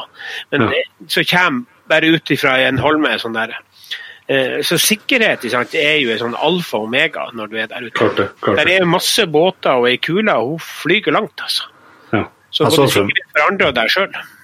Jeg så for meg en fridykker eller en dukkermask som plutselig stakk opp uh... på sida. Ja, det blir det er klart det, det, det, det, er ikke veldig mange av de der ute, da, men ja, det blir å følge likt en sel, tenker jeg. ja, det blir veldig likt en sel. I hvert fall hvis bakhodet er der. så det, nei, det, men, det er som alt annet. Sant? Det, er mye som blir skutt i skogen nå som ikke nødvendigvis går på fire føtter hvert år, dessverre. Så. Ja, da. Så. Nei, må, det, det må man være veldig forsiktig med uansett hvordan jakt man driver med. Ja, da, er der er jo yrkesfiskere og alt mulig sånn, så det er og Du må tenke på det at den kula der eh, kan faktisk far så, altså flinsje på vannet og sprette opp igjen. Mm. og Du må ja. sjekke bakgrunnen. og eh, Der er mye bebyggelse, fritidsbebyggelse. Sjekk at det ikke nødvendigvis er til hus eller en båt i bakgrunnen når du skyter. altså. Mm det er ikke bare å fare ut og skyte vilt, for å si det sånn. Nei, det, det, det blir jo som all, all annen jakt, Ja, ja, det blir jo det. Sånn, bare det her har vi ikke noe tre som står i veien. Så kula kan faktisk fare veldig langt. Ja. Og så er egen, egen sikkerhet òg, da, i forhold til det er veldig mye altså Det er jo sleipt og glatt der ute. Ja, ja. Så, så jeg, jeg har som prinsipp jeg putter aldri patron i det der våpenet mitt før jeg kommer trygt på land. Nei. Noen ladder i båten og så hopper på land, og så tryner du der. og Du må jo være forsiktig. Optikk og våpen er dyrt. og uh, Vådeskudd eh, er enda dyrere, skudd, jeg si, for det går ikke an å rette opp igjen. Så. Nei. Så. Er Godt, eh, godt poeng. Men jeg var litt interessert på skinnet. og hvis Du har fått litt info hvordan du, hvordan du flår det, men hvis, du, hvis du skal ta vare på så godt som mulig det skinnet for å få det, få det garva og sånt, hva du skal gjøre i felten og etterpå? Altså I felten så gjør du bare den grove grovflåinga, altså, rett og slett. Og så legger det i en stamp, da, rett og slett. Når du da kommer, kommer hjem ja, Unnskyld, jeg var bare en liten vann. Eh, når du kommer hjem, så er det jo om å gjøre altså, Jeg bruker å ta ei litt stor, eh, flat plate eh, som jeg røyser på høykant. Og så henger skinnet over med halvparten på hver side. Ok? Og så starter og så flår, for da har du en helt slett bakgrunn med en fin flåkniv. og Det er da du kommer med det, det spekklaget som er. Når du da begynner å flå nedgjennom der, så hjelper spekket deg med å dra nedover sånn, så du får det veldig veldig fint flådd nedgjennom. Ja. Da snur du bare plata når du skal ta andre sida. da. Ja. Eh, og så er det Jeg bruker eh, veldig mye tid på å vaske. Prøve å få ut mest mulig ut av fett og spekk og alt sånt. der. Så jeg bruker å legge det på en presenning eller sånn, med vann, masse Zalo eller annet vaskemiddel og en skrubb. Så du skrubber det veldig godt. Ja. Ja. Så får du ut mest mulig. Og Så henger du det opp og så lar det renne av litt, og så, og så legger du det i en kasse og så sørg for å salte det godt. Gjerne bruke en, en del kvi, finsalt ut imot kanter og alt mulig sånn. For at, På, på kjøttsida eller på ja, på begge sider. Jeg tar På på begge begge sider. Ja, ja. Ja. Eh, For at Hvis du er litt uheldig at du får flekker som er dårlig salta, så vil det når du får garva skinnet, så vil de slippe hårene der. Så Da får du okay. store, åpne eh, områder. Altså et stygt skinn. Aha. Og Så lar du det ligge i to, tre, fire uker så det er skikkelig gjennomsalta. Tar det opp, rister av det og henger det opp og tørker det. Og så pakker du det bare og så sender det ned til Granberg. Ja. Så. Skal det, skal det tørke lenge bare til du Nei, altså, det har- La det renne av det, sånn at det, det trenger ikke å være tørt. Men altså, det gjør ikke noe om det, det henger oppe en dag eller to. Det gjør ingenting. Men ikke sånn at du tørker det som tørker hardt. Nei, nei. Nei, For, for det, blir, det blir nesten som en slags lakan den Ja, det, blir lakesalta til slutt. da. Ja. Men det sant, du bretter jo, det som er viktig du bretter, det er jo det at du bretter kjøtt mot kjøtt. sant? Ja. Når du salter. Ikke, ikke kjøtt mot skinn, for å si det sånn. Nei, nei, ikke, ikke rulle i det. Ja, så det, og da, da kan du få noe flotte skinn, enten ha på vegg eller ha på bordet eller uansett. og sånt. Jeg har et fint sånn lite skinn på, til dataunderlag til, til ungdyr. Altså. Ja, men det er fantastisk. Altså, det, det er jo bare fantasien. så. Ja, ja klart det. så fine, Veldig fine sånn pynteskinn å ha framfor en godstol eller et eller annet sånt. Så. Ja. så er ingen ut av skinnene som er like. De er veldig forskjellige, alle som er. Du. Ja. Liksom i hvordan de er spetta og sånn. Liksom. Ja, ja, ja. Altså selve tegningen og sånn Ja. der. Så. Ja. Nei det er kjempeflott. Tøft. Så. Er det, det, er ikke, det er ikke all verden kostnad i en sånn, et sånn vanlig kobberskinn. Det ligger i prisleie 1000-1500 kroner eh, å få det garva. Ja. Ja, så det,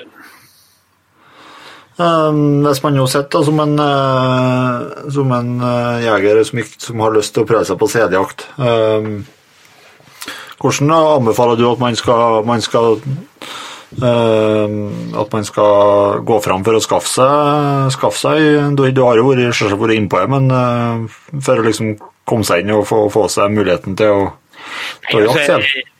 Det er jo altså skulle si, hvis, hvis du ønsker å skal opp til Helgeland og, og jakte, for det sånn, så det, det rent formelle det har vi jo gått gjennom. det er Ja, ja.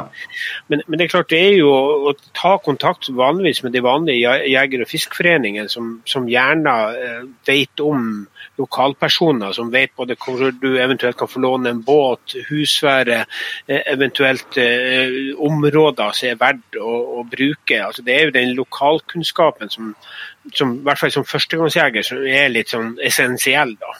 Ja. Ellers så kan du kjøre ganske mange uker uti her uten at du, du finner noe som helst, for å si det sånn. Ja. Ja. Så, men, men de aller fleste sånn eh, jeger- og fiskeforeningen du tar kontakt med, så vil, vil kunne lede deg videre til personer som, som, som kan hjelpe deg. Ja. Og om folk, er ikke sånn at jeg verner veldig om mine jaktområder, for jeg klarer aldri å skyte det du skyter uansett, eller fiske den fisken du har fiska. Så jeg, jeg bruker aldri å ha noe problem med å vise folk hvor hen dyrene er, for å si det sånn. Nei.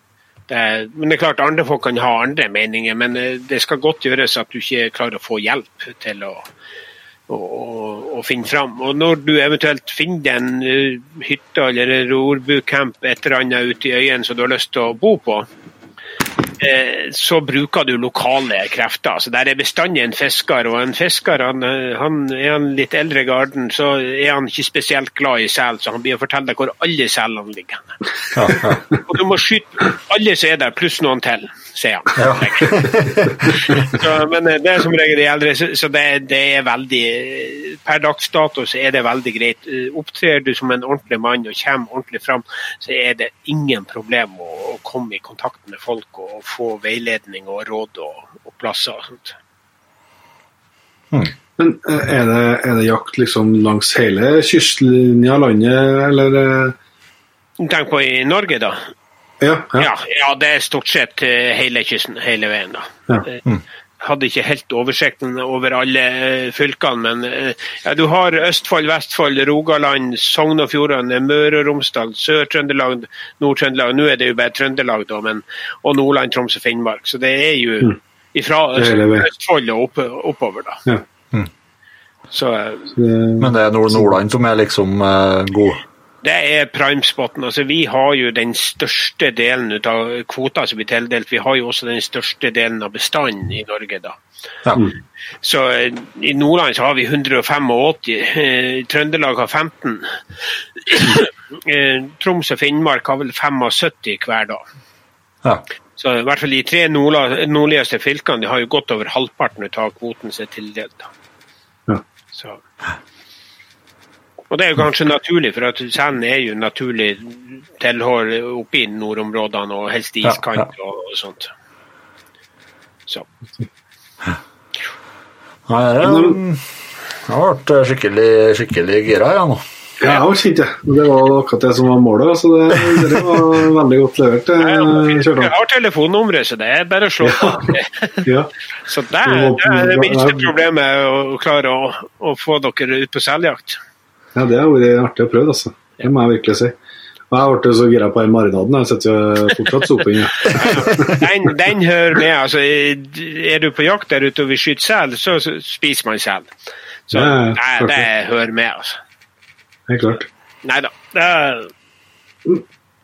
Men eh, det er bare det, beste Jeg skjønner at det er sikkert sånn dumt spørsmål, da, men, men på andre rovdyr, eh, så landpattedyr, skal jeg si, er snakk om sånn trikiner, men det oppstår ikke på når, de når det er fisk som er Eh, Nei, altså Jeg har prata med noen veterinærer eh, som mm.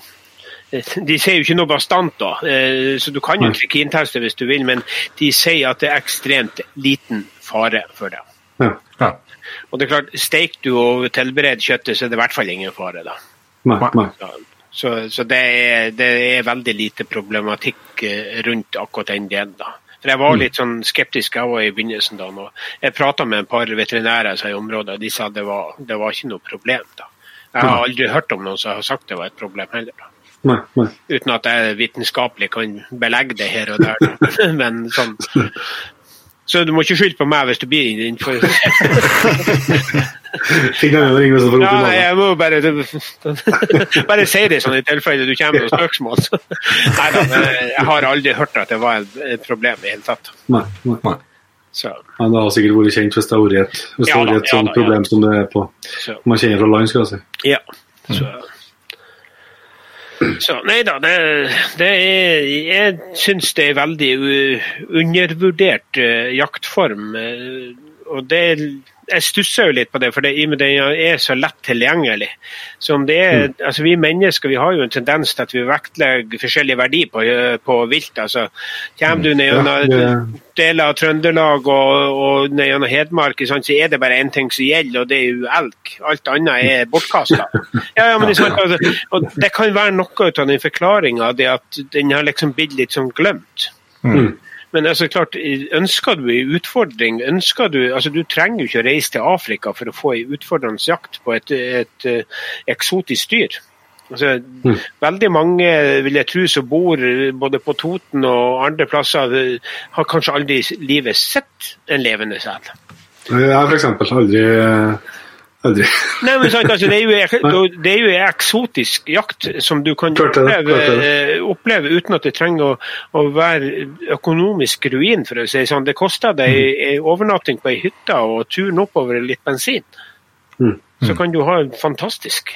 Så, eh, men jeg regner med dere har jo en del lytterskare, så det blir ganske fullt der ute på etter hvert. Så du må vel kjøpe en par båter som- leie ut etter hvert. Det kommer til å ligge folk med Jegerpodden-capser på kortet et skjær oppover hele Ja, ja, ja. Bare hør det. Nei ja, men det, for min del så er de hjertelig velkommen. Eh, Jeg har ingen problemer med det. Så lenge folk oppfører seg, så er det plass. Altså, vi snakker om veldig store områder. Altså. Ja. Eh, Veldig store områder. Ja. Og Det- jeg, jeg, som sagt, jeg kan jakte ei uke her ute uten å treffe på andre jegere. Så det er liksom ikke Jeg vet at det jeg kjenner jo til at det er tatt seg opp en del, da. Men det er ikke noe veldig trangt. da. Nei. Så, eh, og det, det er fra nordlandsgrensa og hele veien til Tromsgrensa, for å si det sånn, så er det relativt store, gode bestander hele veien opp igjennom. Så Du må ikke til Helgeland. Du har store bestander i Vesterålen, du har sør for Vega, du har oppe mot Bodø skyter i en del, osv. Mm. Så, alt etter hvor du har relasjoner til. Så. ja. Er det muligheter? ja? Ja da. Hvis du ønsker det, så er det muligheter. Og det det jeg syns det er så flott med det. Så. Men det er klart det er en fordel, som vi var litt inne på litt tidligere, med litt eh, skaff deg litt lokalkunnskap og litt tips. og sånn. Det er ikke nødvendigvis det enkleste farvannet du ferdes i. Det er der som sand er. Og så ikke minst vær forsiktig. Mm. Eh, Ikke for å rase i, i 30-40-50 knop eh, rundt deg, for plutselig så er det ganske mange skjær og holmer som ikke står på et kart. ja. Og når det smeller det, så kan mye skje, for å si det sånn. Mm. Så, Ja, det, det er åpen, åpenbart utfordring. nei, altså, dagens kartplottere, hvis du kan bruke litt, er et fantastisk hjelpemiddel. Ja. I forhold til det når det, det er dybdevisning og med de forskjellige fargeangivelsene etter hvor dypt det er. Det stemmer nesten 100 på de plassene jeg er og ferdes i hvert fall. Så Ja. bruker du den som et nyttig hjelpemiddel, så fungerer det veldig bra. Ja. Så, Nei, men Dette har vært en utrolig både interessant og lærerik gjennomgang. Kjartan, det må jeg si tusen takk for. Men vi, vi har jo noen øh, faste punkt vi bruker innom før vi går inn for landing. Ja. Uh, og Der har vi et, uh, tre faste spørsmål. og Det første der det er hvis du eh, som en veldig allsidig jeger da, skulle vært bare i jaktform eller vilt da, fra nå av og ut i evigheten, hva du hadde endt opp på da? For å si sånn, Skulle det ha vært i Norge, så tror jeg faktisk jeg kom til å velge villreinjakt. Altså reinsjakta. Den synes jeg, for det, for det var liksom der jeg starta min storviltkarriere. Og, og det, så det, den er en type jakt som ga meg veldig mye, for at den var veldig eksotisk for meg. Ja. Eh, skulle jeg vært i utlandet, så tror jeg jeg ville jakta bøffel. Ja. Ja. Så, eh, men, men i Norge så er det nok villreinjakta som jeg tror jeg ville tatt. Ikke sel, da. Det, det skulle du ikke tro var svaret fra en mann fra Andersen. Nei, men altså, jeg starta min, min karriere med det på storvilt. Og, Ja. og for meg så var det ekstremt eksotisk eh, som en øyværing ute i kysten og så kom inn i Rondane sør og, og jakte og ligge i lavvo i ukevis inni der. Det, det var ganske heftig for meg, da. Ja. Vil jeg tro. Og så Spørsmål nummer to det er hva som er hvis du skal komme med et konkret jakttips, hva hva som er ditt beste jakttips? Eh, beste jakttips jeg har uansett, det tror jeg er å skynde deg langsomt. Ja. si det sånn, eh, det å ha eh, Selv om du kanskje er i en stressa situasjon når det går travelt, men ha tida til å nyte det som er rundt deg. Eh, Ja. Jeg har funnet ut etter mange prøver og feil det at når jeg skynder meg langsomt og gir meg god tid, så får jeg faktisk mye bedre uttelling rent jaktmessig og ikke bare natur- og opplevelsesmessig. For at Jeg har inntrykk av at når jeg stresser og skal gjøre det, så medfører det at jeg gjør dumme tabber. rett og slett. Så skynd deg langsomt. Hvis det går an å, å bruke det som et ordtak. Så. Ja, ja, ja. Det tror jeg absolutt det går an. Jeg tror det er veldig forståelig hva du, hva du peker på. Ja. Eh, Også jaktutstyr. da. Vi har jo litt på litt forskjellig utstyr her. Eh, Er det noe ja- jaktutstyr du har eh, kjøpt deg senere tida som du har blitt ekstra glad i? Nå er jeg jo så heldig det at jeg er 100% sikker på det at kjerringa hører jo ikke på Jegerpodden.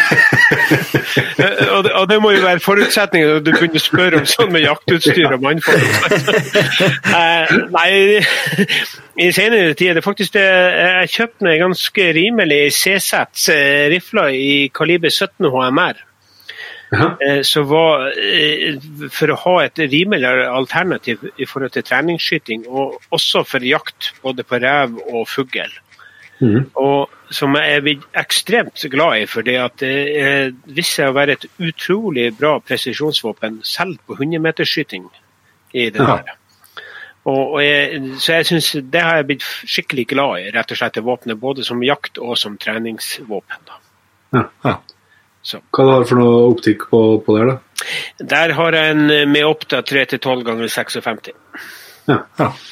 Tøft. Ja, det er sikkert en litt artig, artig rigg å ha forholdsvis anvendelig på. Ja, for, for å få eh, realistisk skytetrening, altså det er jo forskjell på å fyre av gårde et skudd som koster 2-3 kroner, enn et som koster 30 kroner, for å si det sånn. Det synes jeg ikke så tvil om. For jeg, jeg må jo innrømme det, jeg liker jo å skyte. Jeg prøver jo å få skutt en, eh, i hvert fall en 2000-3000 skudd i året sant, totalt på de våpnene jeg har. og Da er det greit å ha et alternativ så du kan ta hovedmengden. Jeg har et 22-løp, for det er et systemvåpen. Så jeg har et 22-løp til det òg, så jeg driver mer sånn mengdetrening på. Ja. Men, men eh, gjerne på litt kort, kortere hold. Altså. Ja. Så. Men du skal jo ikke si det, jeg har jo bestilt en ny rifle nå igjen, så, men den har jeg ikke fått ennå, så den kan jeg ikke prate om. Og den er i an- andre enden ut av 17 AMR, da, så den er mer beregna for bøffeljakt. Så. Ja, hva er det du må, jeg tror vi må Ja, det er 4,8 det er 4,58 vindmagd, altså. Ja. Ja. Så den blir eh, Men det er jo mest bare for moro. Men jeg har tenkt å bruke henne på, eh, på elg i Norge her, da, ja. ja. Så det, hva, hva, hva er det for noe kulvektig å snakke da? Nei, 500-550 grein. Det er en eh, litt ordentlig stein, det. Ja, det blir en sånn bly, blystein som du hiver etter. Så, nei da, det, det var et veldig rimelig våpen, så, eh, uten at jeg går på pris, men det var veldig rimelig brukt våpen, så det var mest for moro. Da. Ja. Ja. Ja, Og, og, et, og et våpen med en gang får råd til å, å jakte bøffel. Mm. Så, Tøft. Uh, og så bruker vi å, å prøve å runde av med, med jakthistorie, og det satser vi på at en nordlending eh, kan komme opp med noe av, tenker jeg. Det er jo sånn at De fleste jakthistoriene som nordlendinger er med på, de egner seg jo ikke på verken trøkk eller Nei, det var litt sånn spøk, men nei, jeg, jeg tenkte jeg skulle ta jeg, altså, Jeg prata jo om det at favorittjakta mi egentlig kanskje var reinsjakta. og Det henger litt i hop med, med det, faktisk det første storviltet jeg noensinne skjøt. Det, det var et, et reinsdyr. Eh, Jeg jakta jo en 20-årsperiode vel, det er bare småvilt før jeg da havna i Østerdalen og studerte der. og da Jeg og en kompis var så heldige å få tak i hvert sitt eh, reinskort. Som det var da i Rondane sør. da. Ja. Eh, og som veidemenner flest, og vi skulle jo være veldig nær naturen, i hvert fall jeg, da, så en god gammeldags bomullslavvo drar vi med oss til fjells og slo opp der og slo camp. Eh, tidsriktig antrukket i vadmelsbuksa, og ja, du ser for deg hele pakken. Og, og det der var veldig veldig eksotisk for meg. Veldig stor spenning. Jeg hadde akkurat kjøpt meg en ny rifle da, i, i Ruger i 3006. Så en rustfri sak da. Eh, jeg hadde vært på banen og skutt med det, og vi vandra rundt både høyt og lavt, og vi så rein og. Vi kom liksom aldri på skuddhold på de greiene der. Eh, Men vi hadde plassert lavvoen et stykke inn i terrenget der, og framfor lavvoen var det ei fin, flott myr. da. Så Den ene morgenen vi sto opp da, til veldig tidlig om morgenen, og så åpnet teltåpninga, så ser vi faktisk tre rein som står utpå den myra der. Ei simla med en kalv og, og da et mindre dyr. For vi hadde fritt dyr under 50 da, på kvota. da. Og vi kryper jo ut som eh, ja, altså det, det var ikke mange punkt på oss som var over fem cent over markene vi krøp ut av åpninga der. Og, og la oss til rette. og han Kompisen min som var jo den som var først eh, og skulle, skulle prøve å skyte. og De flytta så der var det busk i veien, det var tue i veien. og Vi var vel sikkert Nervene var vel på høyspent hos begge to, og vi lå jo begge og sikta. Men eh, til slutt så hadde de flytta seg, så de var kommet ut av, av, av skuddlinja hans. da. Og, eh, så det var jo da opp til meg faktisk om vi skulle klare å ta det her dyret der. Så jeg kom jo så langt det at jeg klarte å trykke på avtrekkeren på det der, og var jo rimelig sikker på det skuddet jeg slapp da. Men så er det sånn, du ligger og presser veldig, du er veldig nær til å få kikkerten i skolten og hele den pakken der. Så, så du, du klarte ikke å se med det samme. Altså, det tok en stund før jeg fikk øynene i kikkerten igjen.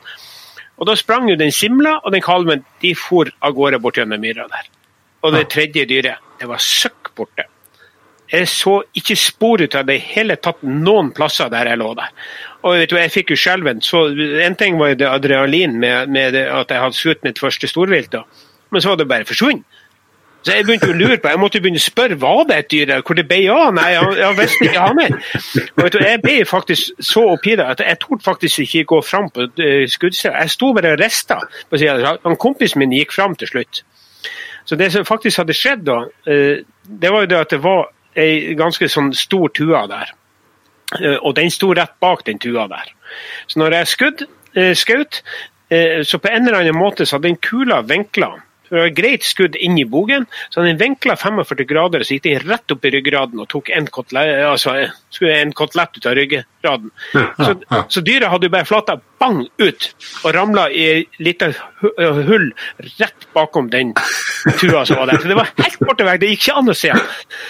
Den gleden og det der etter at han kom fram, det der, det, det, det tror jeg kanskje er noe av det som gjør at eh, syns reinsjakt Jeg har vært noen turer etter det. Reinsjakt er det som står høyest i, i mitt jegerskinn. Det har jo sikkert med den koblinga til at det var mitt første storvilt osv. Så, så, men eh, ganske skremmende. Jeg var ikke så veldig tøff i, i hatten akkurat når jeg sto der, for å si det sånn. Så, så, men Det- sånn var det. Det gikk nå veldig bra, der, Ja da, det gjorde det heldigvis. og Det smakte utrolig godt òg, da. Ja. ja. Det var, da, det var ikke så veldig lang tid. Vi hadde kjølebag med selv. Vi dregde det opp, så vi hadde ei kald liggende der. og Så tok vi hjertet ut og stekte det og hadde det til middag og ei kald ei. Så var det ikke så veldig mye mer jakt utover den dagen, for å si det sånn. Det høres bra ut. Nei, men uh, Tusen takk for en flott, flott historie og ikke minst for uh, alt du har delt om, uh, om seljakta. Det håper jeg og tror har inspirert eh, både i hvert fall oss to, Inge, og flere av eh, dere som hører på. Ja, nei, jeg, håper jo det. I hvert fall, det er i hvert fall litt sånn teoretisk eh, innfallsvinkel til at det er, det er faktisk tilgjengelig. Mesteparten av landet. Lett tilgjengelig. Og rimelig jakt. For, for de som ønsker, og ikke minst vil ha en litt krevende, utfordrende jakt. Sant? Så. Så da tror jeg vi sier tusen takk for at du tok deg tid til å bli med. Kjartan. Ingen fare. Det var trivelig å få lov til å debutere som første nordlending også i Jegerpodden. Så får jeg håpe at resten av folket ikke ble så veldig skremt ut av det. da. Eida. Det tror jeg er bra. Så, Jeg er helt sikker på at vi, at vi treffes, at vi snakkes igjen. eh, Sitter jeg og kjenner på at det tror, jeg, det tror jeg vi må få til. ja da, dere har telefonnummeret mitt og vet hvordan dere får tak i meg, så det er ikke noe problem. Så bare, bare ta kontakt, dere. Så keep Tusen takk skal du ha. Ja. Takk, Supert. Takk for i dag, da. Lærte du noe om eh, seljakt? Ja, jeg gjør det.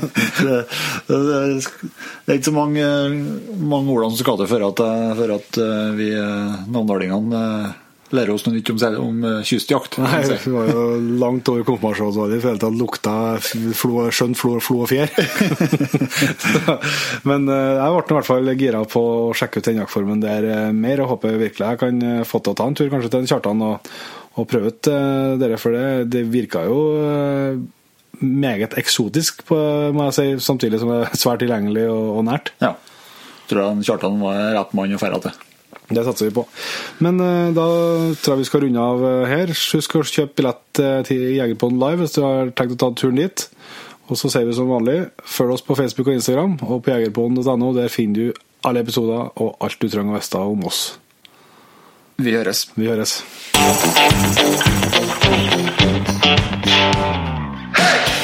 Tusen hjertelig takk for at du valgte å bruke litt av tida di på Jegerpodden. Sjekk ut jegerpodden.no eller din favoritt-podkastspiller for enda mer innhold og flere episoder. Følg også Jegerpodden på Facebook og Instagram, og ikke minst, husk å fortelle alle gode venner, familie og tilfeldige forbipasserende om Jegerpodden, sånn at vi får spredd vårt glade budskap videre. Vi høres.